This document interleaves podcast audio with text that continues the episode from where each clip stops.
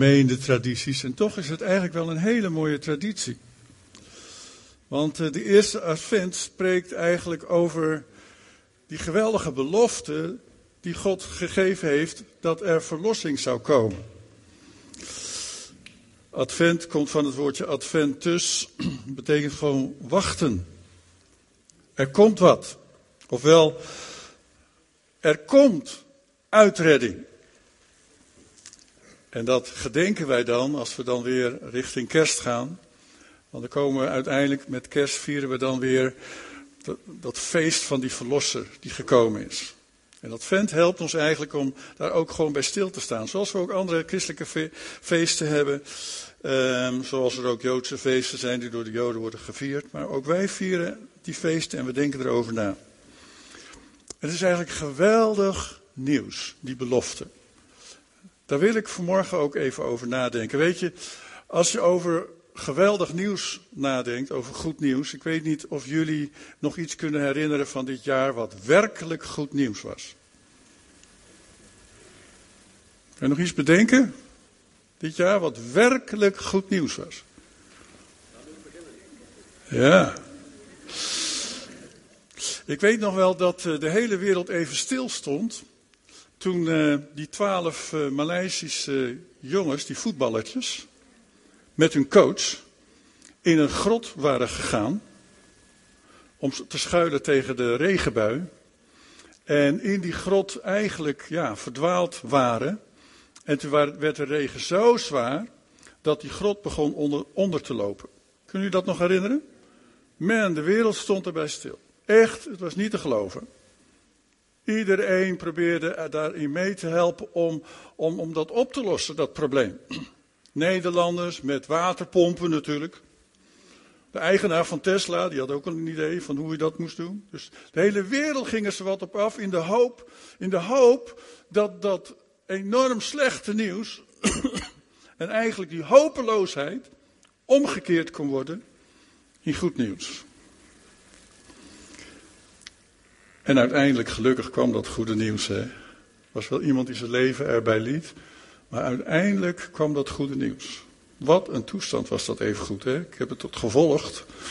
Wat een toestand was dat. Wat hebben ze niet allemaal moeten doen om dat slechte nieuws om te draaien en dat het goed nieuws werd. Nou, goed nieuws. Een ander woord voor goed nieuws is evangelie. Evangelie betekent gewoon goed nieuws. En Advent heeft daarmee te maken. God beloofde goed nieuws. Oh, halleluja. En daar gaan we dan ook deze, deze periode natuurlijk wel een beetje over nadenken. Heel altijd, maar zeker deze periode. We leven eigenlijk in deze wereld, zeker als christen, kennen wij eigenlijk drie grote belangrijke realiteiten. En daar wil ik even bij stilstaan. De eerste realiteit is dat God deze, deze schepping schiep. God had een oorspronkelijk plan. Een oorspronkelijk plan wat er fantastisch uitzag. Eigenlijk wat niet fout zou moeten gaan. Alleen hij bouwde er zulke mooie dingen in, onder andere de vrije wil van de mens, dat de mens koos om dat mooie plan van God toch fout te laten gaan. De eerste realiteit is dus dat geweldige oorspronkelijke plan van God. Wow. Jammer dat dat uh, niet goed is gegaan, hè? Tweede realiteit is dat er dus door de, het afwijzen van dat oorspronkelijke plan, door dat te weigeren, door ongehoorzaamheid, er zonde kwam in deze wereld. Gebrokenheid. Alles wat zo mooi was, wat zo heel was, wat zo foutloos was, ging kapot door de zonde. Hebben we nog steeds mee te maken. En de hele wereld, allemaal doen wij er van alles aan om daar vanaf te komen. Niet geestelijk misschien direct vanaf te komen, maar op allerlei andere manieren. Gezondheidszorg, stofzuigers, neem het, auto's. Alles wat wij doen, proberen we eigenlijk eigenlijk de gebrokenheid mee op te lossen. De ellende, de zorg, de pijn, de moeite. En de derde realiteit die wij als christenen kennen, is die realiteit van het evangelie. Oh, evangelie die een keer kan brengen in gebrokenheid. Ja, wel, laten we eens even stilstaan bij dat oorspronkelijke, oorspronkelijke plan van God. Hè? Ja, die tijd hebben wij dus niet meegemaakt. Maar God had de mens dus met een doel geschapen, dus eigenlijk jou ook. Adam en Eva dus ook. Een doel om in relatie te leven met Hem en met elkaar. In een volmaakte relatie. Om werk te doen, namen te geven aan alle dieren. Er was genoeg, uh, was genoeg te doen in ieder geval. Maar om een gezin te stichten. En uh, om ons geweldige ervaringen te geven. Dat was Gods idee eigenlijk. Toen hij Adam en Eva schiep. Geweldige ervaringen met elkaar en geweldige ervaringen met hem. En dat zou niet verstoord worden. Wauw. Dat is toch ongelooflijk? Jongen, jongen. Bijna een droom zou je zeggen. Waarin we dus met hem zouden kunnen wandelen. Altijd wandelen. In een warme, sprankelende, liefdevolle relatie. Geen verstoring, geen ellende. De hemel, hè? De hemel op aarde. Ja, dat was Gods oorspronkelijke plan. Dat was eigenlijk de bedoeling. Maar toen kwam de gebrokenheid. De gebrokenheid omdat de mens Gods oorspronkelijke plan verwierp door ongehoorzaam te zijn aan God. En de Bijbel die noemt dat verwerpen, dat negeren, dat verwerpen van Gods oorspronkelijke plan voor je leven, noemt de Bijbel zonde. Zonde. De zonde betekent namelijk heel gewoon, heel simpel, dat je Gods doel mist. Dat je Gods doel mist voor je leven. Zijn plan voor jouw leven mist. En daarom, als we naar de, de wereld kijken en om ons heen kijken, zien we eigenlijk dat de hele wereld Gods doel heeft gemist in gebrokenheid leeft. En daar worstelen wij ook mee, ook als we de Heer Jezus kennen en geestelijk nieuw zijn gemaakt, nieuwe mensen, wedergeboren. Worstelen we nog steeds wel met de gebrokenheid om ons heen en soms zelfs ook in ons eigen leven. Want we leven nog op deze aarde. Er komt iets nieuws. En er zal een hemel zijn. Maar voorlopig leven wij op deze gebroken wereld. Je voelt het om je heen, je ziet het om je heen. Je botst er tegenaan, je worstelt ermee met gebroken, kapotte relaties. Er zijn mensen die, die oplossingen zoeken in, in middelen, chemische middelen, alcohol. Oplossingen zoeken om even van deze wereld te zijn. In drugs. Andere verslavende gewoonten om, om, om even die buitenwereld bij zich weg te houden. Depressie. Om even te kokonnen in zichzelf, om even die buitenwereld weg te houden. Ontmoediging komt er. Schuld, schaamte over alles wat niet lukt en wat fout is gegaan.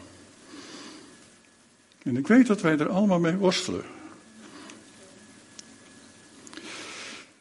En iedereen verlangt om daar vrij van te komen, om daar los van te komen, om eigenlijk dat helemaal achter je te kunnen laten.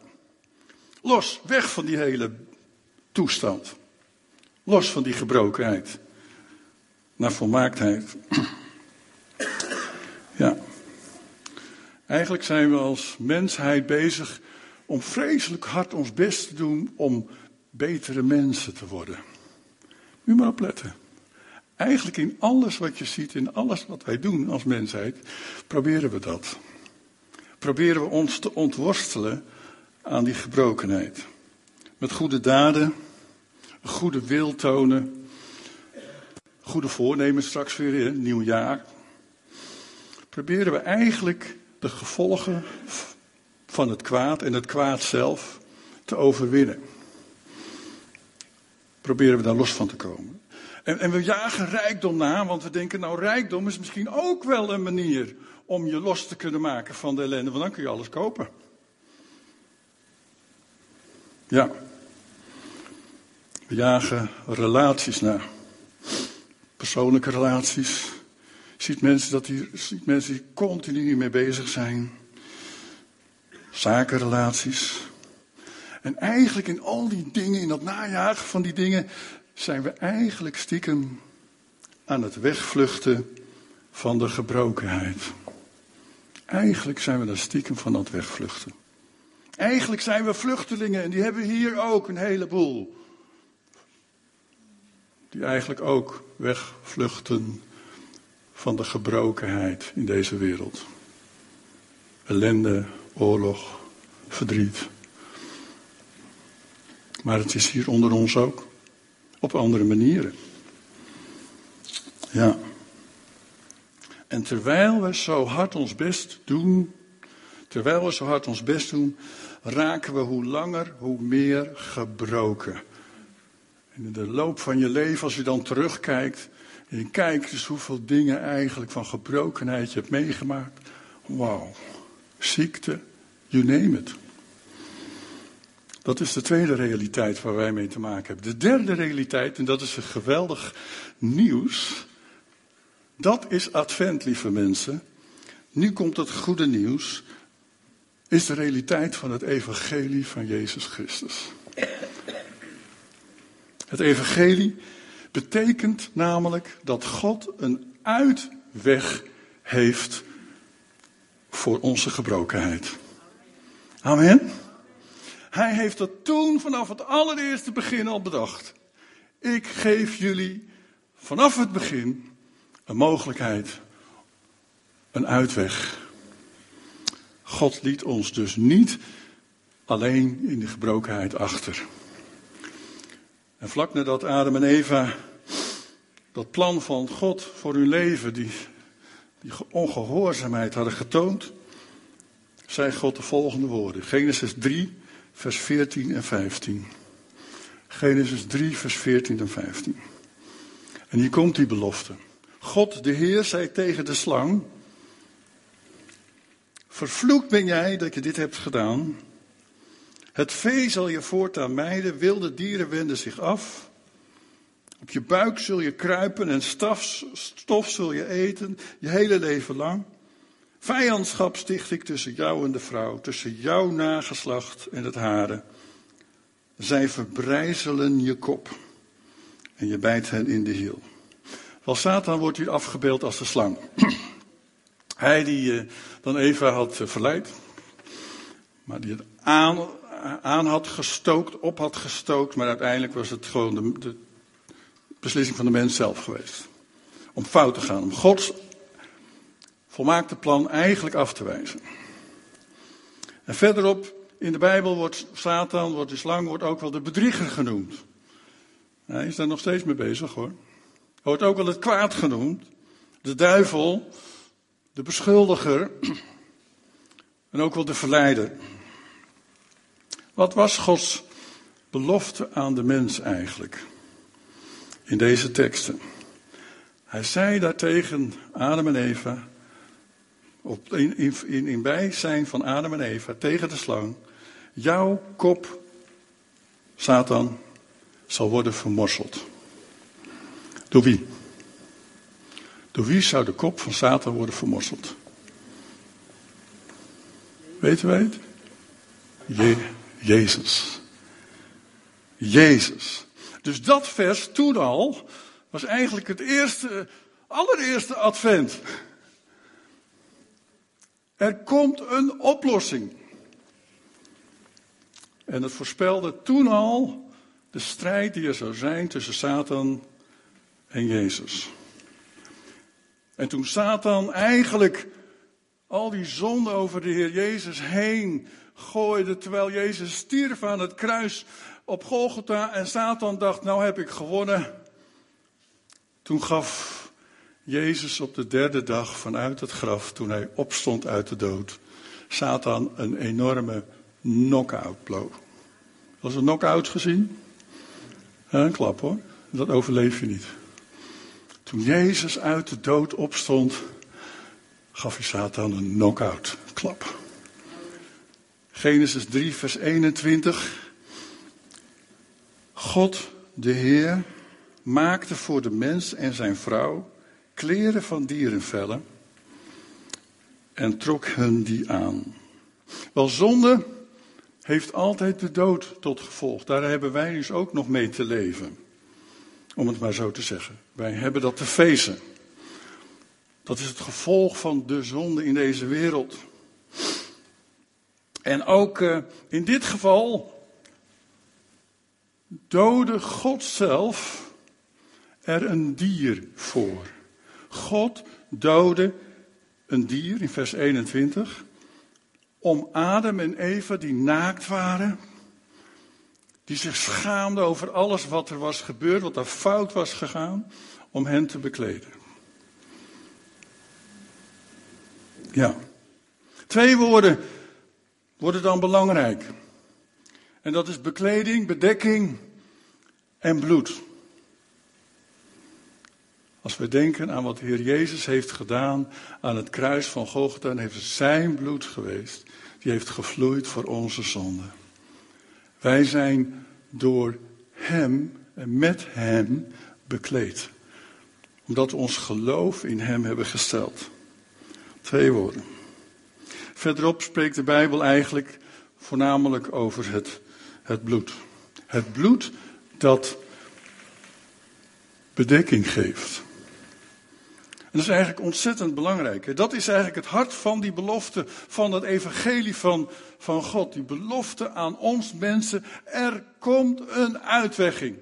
En die uitweg bedoel ik. En die uitweg dat gaat via het bloed. Zijn enige geboren zoon zond God om voor eens en altijd allen die zijn offer zouden ontvangen te bekleden. Vandaar dat we Heilige Avondmaal hebben gevierd vanmorgen. Is dat, niet, is dat niet fantastisch? Eigenlijk hebben we dat gevierd met elkaar. Ja. Je moet op bepaalde plaatsen moet je de juiste kleding dragen. Uh, ik weet nog wel goed dat ik. Uh, ik heb nog een tijdje in mijn leven wat gegolfd. ja, geloof het of niet, maar het is, het is een beetje knikkeren voor oudere mensen, want die hoeven zich niet te bukken dan. Hè? Pok, ja. En dan lopen ze weer en dan zouden ze weer uh, vijf kilometer, dan pok. Maar bij ons, het golftreintje vlak bij ons, stonden wel heel duidelijk kledingvoorschriften, anders mocht je niet. En zo weet ik dat ik ook vroeger, dan heb ik ook wel eens wat getennist, en dan, en dan moest je dus ook wel een beetje ouderwets, dan moest je wel een beetje opgekleed zijn. God aanvaardt ons helemaal als wij bekleed zijn met het bloed van het lam Gods, Jezus Christus. Amen. Is dat niet geweldig? Dat is onze bekleding. De juiste bekleding om aanvaard te zijn door God. Ken je de Heer Jezus in je leven? Weet je dat Hij zijn bloed voor jou gestort heeft? Dat je dus je niet meer hoeft te schamen over je naaktheid, over al je fouten, je schuld en je problemen. Maar dat je bekleed mag zijn met het bloed van Jezus Christus. Wauw. Wat treur je dan, joh. Hé, hey, kom eens even. Hé, hey, om Jan, we treuren niet, hè? We zijn blij in de Heer Jezus. Amen. Wees blij in de Heer Jezus Christus. Wij zijn geweldig blije mensen, omdat wij bedekt zijn door het bloed van het lam. Zo, dat is onze bekleding. Wij zijn aanvaard door God. Ondanks al onze fouten. We hoeven niet meer op de vlucht. 1 Petrus 3, vers 18 zegt daar zo mooi over. 1 Petrus 3, vers 18. Ja, hij komt eraan hoor, maar ik ga hem alvast lezen. Ook Christus immers, Jezus dus, heeft, terwijl hij zelf rechtvaardig was, in hem zat geen fouten, dus hij had dat niet nodig, maar terwijl hij zelf rechtvaardig was, heeft hij dus wel geleden voor onze zonde. Hij, had het dus, hij hoeft het eigenlijk helemaal niet te doen, want hij had het niet nodig. Maar hij deed het wel. Heeft hij geleden voor de zonde van de onrechtvaardigen, dat zijn wij. Voor ons, voor eens en altijd. Om u zo bij God te brengen. Aanvaard de God. Zie wel? Naar het lichaam werd hij gedood. Maar naar de geest tot leven gewekt. Er is dus een uitweg uit de gebrokenheid. Advent. Advent begon al zoveel duizend jaar geleden. Is dat niet fantastisch? Dat gedenken wij weer vandaag. Er is dus een weg terug naar Gods originele plan voor jouw leven. Ja, het evangelie. En het evangelie is een persoon. Het evangelie is Jezus. Jezus zelf. Jezus legde dat zelf ook uit aan, aan een van de religieuze leiders. Die dacht het moeten zoeken in religie. En volgende week worden er mensen gedoopt. Negen mensen. Een paar Nederlanders.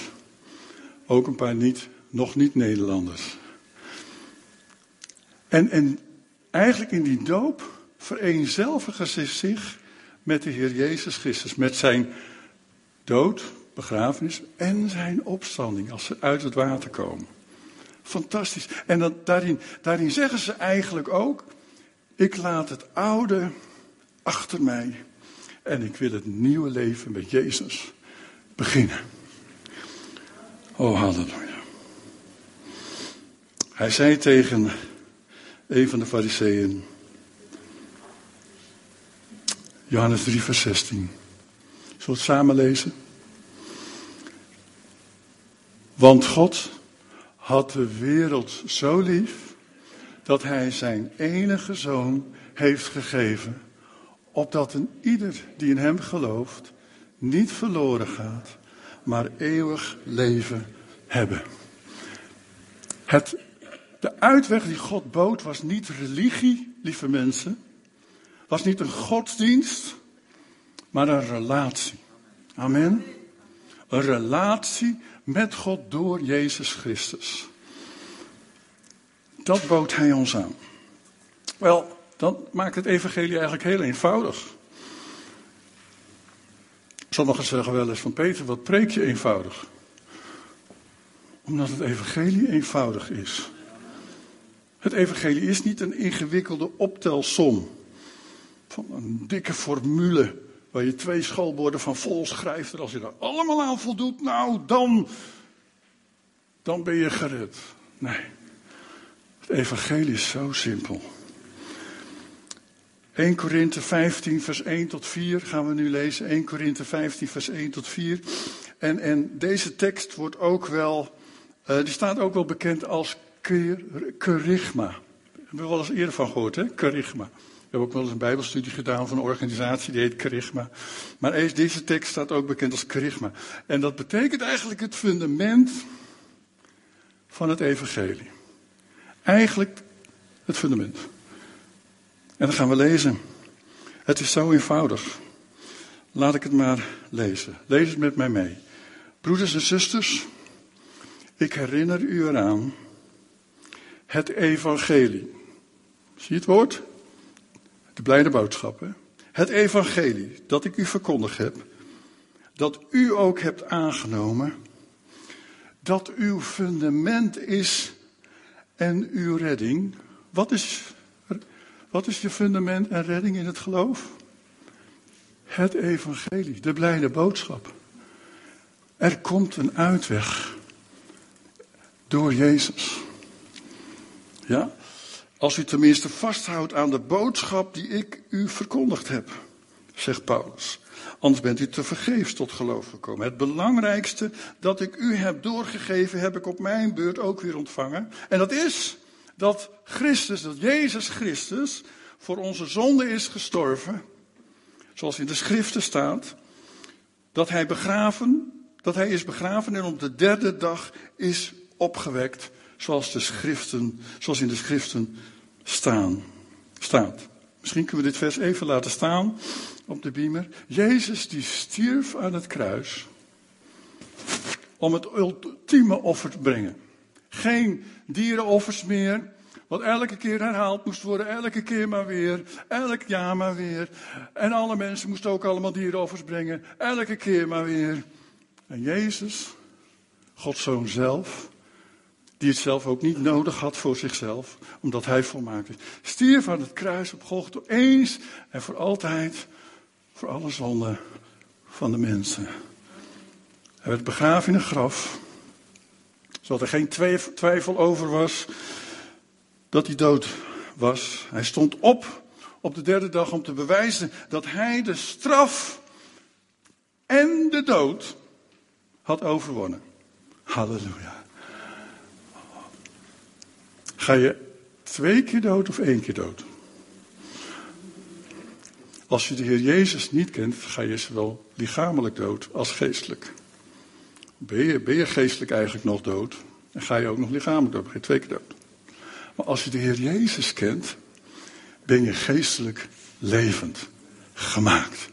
En dan zal de dood, de menselijke lichamelijke dood die we op deze aarde nog meemaken, ons geen angst meer aanjagen. Amen. Omdat wij kijken over het graf heen naar het eeuwig leven. Met Hem. Prijs God. Jezus. Wel, toen uh, Jozef en Maria de engel bij zich kregen, zeiden jullie zullen een uh, kindje krijgen. En je moet hem, hoe moesten ze hem noemen? Jezus. Yeshua, Hebreeuws. En wat betekent dat? Redder. Gods antwoord, Gods advent, Gods belofte vanaf het eerste moment. De kop van Satan zal vermorseld worden. En God gaf het allerliefste en allerkrachtigste wat hij had. Zichzelf in zijn zoon Jezus Christus. Om dat voor elkaar te krijgen. Voor de hele mensheid. Is dat niet fantastisch? Wel, het evangelie is dus een blijde boodschap. Prijs de Heer. Goed nieuws. Oh, eigenlijk fantastisch wat wij hebben. Dat wij in deze wereld kunnen rondbezuinen. Wij hebben het echte goede nieuws, lieve mensen. Kranten proberen er wel van alles bij te verzinnen. En al die glossy bladen, daar word ik soms helemaal ook niet goed van wat er allemaal op staat. Proberen allemaal het probleem op te lossen. Van de gebrokenheid. Maar het echte goede nieuws is dat Jezus gekomen is. En hij gestorven is aan het kruis. Hij de uitweg heeft geregeld. Voor eens en voor altijd. Voor de mensen. De uitweg uit de gebrokenheid. Hoe ontvang je dat nou? Hoe, hoe, hoe weet je nou dat, je dat dat van jou is geworden? Dat jij ook eigendom van God bent geworden? Want de Bijbel is daar duidelijk over. Daar moet je dus je omkeren van de oude weg die je gaat, die je ging in je leven. Keer je daarvan om. Eh, Adam en Eva die hadden zich afgekeerd van Gods oorspronkelijke plan voor hun leven. En zij hadden nodig en wij hebben nodig om ons terug te keren richting God. Weg van ons oude plan. Weg van ons eigen leven.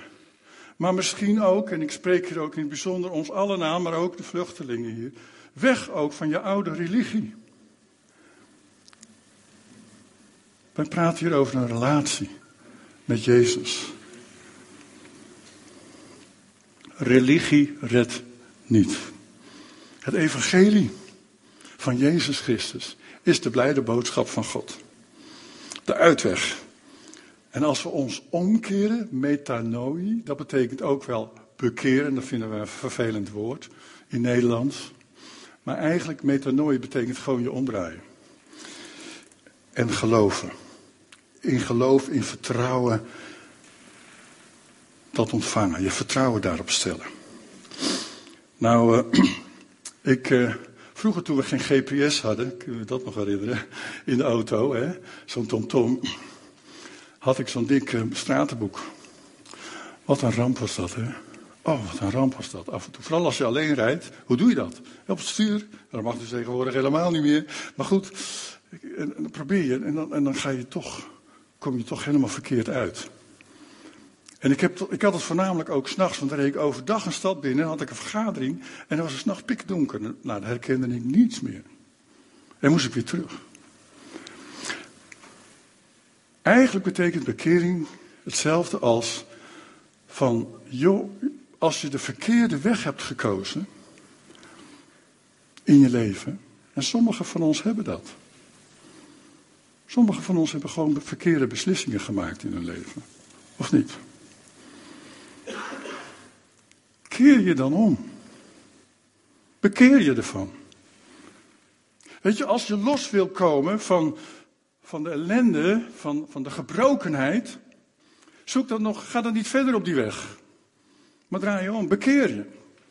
Er is bevrijdingsbediening, geweldig. Maar ik denk de grootste bevrijdingsbediening heb je in je eigen handen.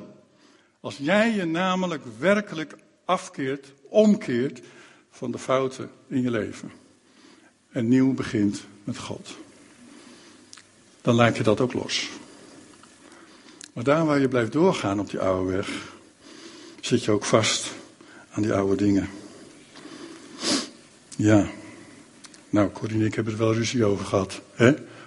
In de auto. En zei Corrie, had je toch gezegd dat je daar rechtsaf moest?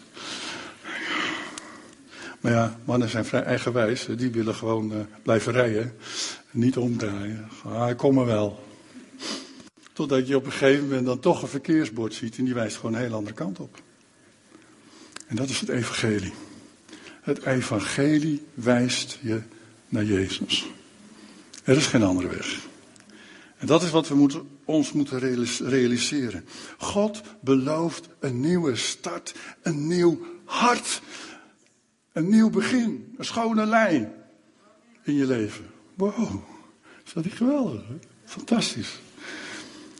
Heb jij zo'n diepgaande bekeringservaring gehad in je leven? Ja, ik ben in een christelijk gezin opgegroeid. Ik woonde in de Spiegelstraat, nummer 45, drie hoog op de flat. En ik was het gevaar van de buurt hoor, op mijn driewieler. Hè? Dat was eigenlijk mijn oude zondige leven. En toch had ik een moment nodig in mijn leven. Ik was elf jaar. En later nog een keer op mijn vijftien. En dan reed ik nog een keer over. Waarin ik werkelijk me omgekeerd had naar God. En ook de dingen die ik stiekem had meegenomen in mijn leven heb losgelaten. En daarvan afgekeerd heb. En zeggen van Heer, ik wil u weggaan. Geen andere weg. Heb je werkelijk zo'n diepgaande bekeringservaring gehad? Of is het soms goed om terug, het is helemaal niet erg om je eens meerdere keren te bekeren. Als je weer foute wegen bent ingeslagen. Soms betekent het dat je wordt ja, ontkend door je familie. Soms betekent het dat je familie je verwerpt. En ik weet dat het ook een worsteling is van sommige vluchtelingen. Die dan weten van ja, maar als ik mijn leven aan Jezus geef, dan gaat mijn familie me helemaal verwerpen. Haten. Ja. Maar dat geldt voor iedereen die een keuze voor Jezus maakt. Dat soms ook ja, je niet begrepen wordt door je vrienden. Je niet begrepen wordt door je familie. Als je zaterdag dan mensen op straat staan samen met Edward.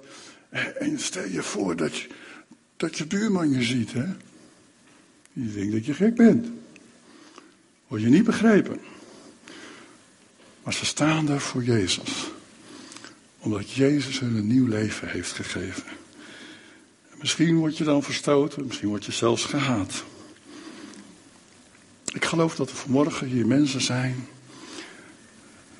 die op dat punt zijn gekomen in hun leven dat zeggen ik wil radicaal voor Jezus kiezen. Ik ben er klaar mee met de gebrokenheid. Van binnen is er oorlog in mijn hart. Buiten was er oorlog, maar van binnen is er nog een grotere oorlog. Ik heb Jezus nodig. Zullen we een moment onze ogen sluiten? Ik denk dat dat goed is. Vader, u kent onze harten. in ons leven. Heer, het is advent vandaag, eerste zondag.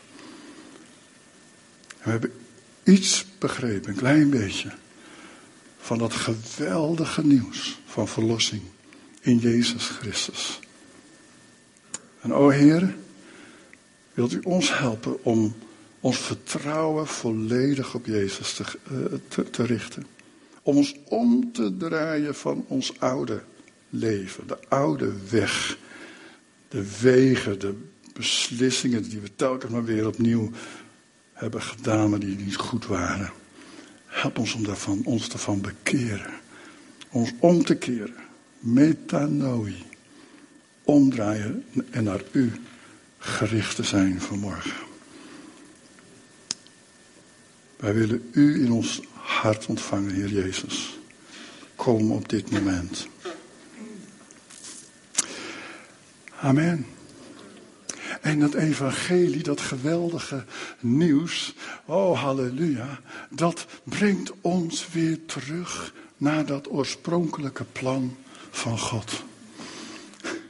En daarom dat we zoveel blije christenen zijn. Sommige mensen zeggen wel eens van jullie, jullie evangelie een beetje, hè, probeer ze ons in een hokje te stoppen. Maar jullie, jullie zijn altijd zo blij. Hoe komt dat nou? Hoe komt dat nou? Het is eigenlijk niet zo ingewikkeld. Maar als je weer weet dat je weer mag wandelen in die oorspronkelijke bedoeling van God voor je leven. Dat doen we dan wel met vallen en opstaan soms. Hè? Als je dat weet, en dat je dat recht hebt gekregen in Jezus Christus. Dan ga je ook een klein stukje weer die blijdschap ervaren. Die daar was in de Hof van Edes. Voordat de zonde er was. Oh, wat een feest. Elke dag feest was dat. Elke dag met God zijn. Vrede. Geen problemen. Geen ellende. Wauw. Als je met Jezus gaat wandelen in je leven. Dan ga je dat weer terug ontvangen. Weer terug naar het oorspronkelijke plan van God. Weet je, het evangelie is niet een momentopname van, oh ja, twintig jaar geleden heb ik mijn hart aan Jezus gegeven. En nou ja, daarna is het weer, weer uh, nou ja. Het was een leuk moment. En later ben ik ook nog vervuld met de Heilige Geest. Was ook een heel, heel leuk moment. Ik ben nog gedoopt ook nog. Ja, dat was ook nog een fijn moment. Nee, als je echt met Jezus op weg gaat, dan kom je terug in het oorspronkelijke plan van God voor jouw leven. En dat ga je hoe langer hoe meer ervaren. Is dat niet geweldig? Het is natuurlijk wel een, uh, ook een vallen en opstaan en leren, maar hoe langer, hoe meer. Prijst God. En wat kunnen wij dan doen? Wat was ons thema ook alweer dit seizoen? Gods liefde en kracht door jou heen. Dat gaat dan gebeuren. Hoef je niks voor te doen. Gaat vanzelf. Want dan ga je leven, wandelen met God. En dan gaat er wat gebeuren. Dan gaat Gods liefde en kracht door jou heen stromen. Je bent een nieuwe schepping geworden in de Heer Jezus Christus. 2 Korinthe 5, vers 17 en 18. Daarom ook is iemand die één met Christus is, een nieuwe schepping. Je bent nieuw, nieuw, opnieuw, oorspronkelijk naar het plan van God voor jouw leven. Het oude is voorbij. Het nieuwe is gekomen. Dit alles is het werk van God. Hij heeft ons door Christus met zich verzoend en ons verkondiging daarover toevertrouwd. En ons verkondiging daarover. Weet je wat verkondiging het woord voor verkondiging is? Evangelie. Boodschap. Blijde boodschap. En het woord, een nieuwe schepping. Weet je, als je dat in het Grieks gaat bestuderen, dan staat daar splinternieuwe schepping. Laat ik het nog even sterker maken. Dus niet gebruikt, niet gerenoveerd. Ja, ik ben een beetje, ben een beetje hersteld hoor. Een beetje gerenoveerd door God in mijn leven. Ach, een beetje plakwerk, een beetje hè? houtje touwtje en ik, uh, ben er wel weer. Nee, nieuwe schepping betekent dat je splinternieuw bent geworden van binnen. Oh, is dat niet fantastisch? Splinternieuw. Spik, splinternieuw. Laat ik het nog even sterker maken. Nog sterker. Je bent iets in de Heer Jezus Christus geworden wat daarvoor helemaal niet bestond. Oh, halleluja. Dat is de boodschap van het evangelie. Man, wat denk je, zou Gods glimlach op mijn leven rusten? Ja of nee, op jouw leven rusten? Yes, hij is zo blij. En Galaten 2, vers 20 zegt dan, ik zelf leef niet meer, maar Christus leeft in mij. Mijn leven hier op aarde leef ik in het geloof in de Zoon van God, Jezus Christus. Die mij heeft liefgehad en zich voor mij heeft prijsgegeven. Als je tot Jezus komt en je geeft je leven aan Jezus, je gaat Hem volgen, dan komt Zijn geest in je wonen. Hij vernieuwt jou van binnenuit. Hij versterkt jou. Hij stort zijn blijdschap in jou uit. Je wil dan eigenlijk vanzelf voor Hem leven, voor, voor Zijn eer, niet voor jou eer, voor Zijn eer. Heelheid ontvangen, gezondheid ontvangen. Maar je wil ook gezonde relaties opbouwen. Niet van, kijk eens hoe ik mijn best doe, maar vanuit dat nieuwe wat God in jou gedaan heeft. In je huwelijk, met je familie, met je vrienden, op je werk. En je wil dan ook, Edward, een ambassadeur zijn voor Jezus. Gezonde. Die een boodschap verkondigt in deze wereld. Gods oorspronkelijke plan. Terug in jouw hart. Amen. Onze zonde had dat verbroken. Maar Jezus heeft dat hersteld in ons. En het evangelie is dus Gods weg om ons te verlossen uit die gebrokenheid. Ja, maar die gebrokenheid is nog wel om ons heen. Ja, hij heeft ons ook niet uit deze wereld gehaald, hè, zegt Johannes 17. Nog niet, nog niet. Dat gaat ook komen. Advent spreekt ook over de wederkomst. Dan worden we er wel uitgehaald. Hij heeft ons in deze wereld gelaten om een getuige te zijn van Hem. Is dat niet verbazingwekkend? Uitredding is gekomen. Advent. En het leidt tot kerst. En het leidt tot Pasen. En het leidt tot Pinksteren. Ook voor jouw leven. We gaan bidden. We gaan danken. Oeh, ik heb een beetje last van mijn rug. Af en toe hoor je een rare kreet, maar. We gaan danken. En uh, aan het einde van de dienst staan daar een paar mensen bij het kruis. Ik geloof dat die vanmorgen mensen zijn die dat even nodig hebben. Misschien heb je toch een paar domme keuzes gemaakt in je leven. Keuzes die niet horen bij het oorspronkelijke plan van God voor jouw leven. Jezus is er voor jou. Jezus is er voor jou. Jezus is er voor jou. Hij wil jou met wijde open armen ontvangen. En je kunt een nieuwe start maken vandaag. Vader, dank u wel voor uw woord vanmorgen. En dank u dat u gesproken heeft door uw geest. Heer, we bidden echt dat het een geweldige kerst gaat worden dit jaar. En dat we daarheen mogen leven in verwachting wetende dat u die belofte heeft gegeven, dat die gekomen is. En dat wij mogen leven vanuit die belofte. En dat we herstel mogen vangen, nu reeds. Dat onze zonden vergeven mogen zijn, de fouten die we hebben gemaakt. Heer, u zult er af en toe wel verdrietig over geweest zijn. Maar u houdt van ons. Uw liefde is onberouwelijk. En Heer, wilt u vanmorgen in onze harten werken. En ons helpen om nieuwe keuzes te maken voor u. Nieuwe keuzes, elke keer weer. Een schone lei. Elke dag een schone lei. Want we willen dicht bij u wandelen, Vader. We willen dicht bij u leven, Heer Jezus. En dank u voor uw geest, die ons de kracht geeft en ons vervult. Elke keer weer opnieuw. In Jezus' naam. Amen.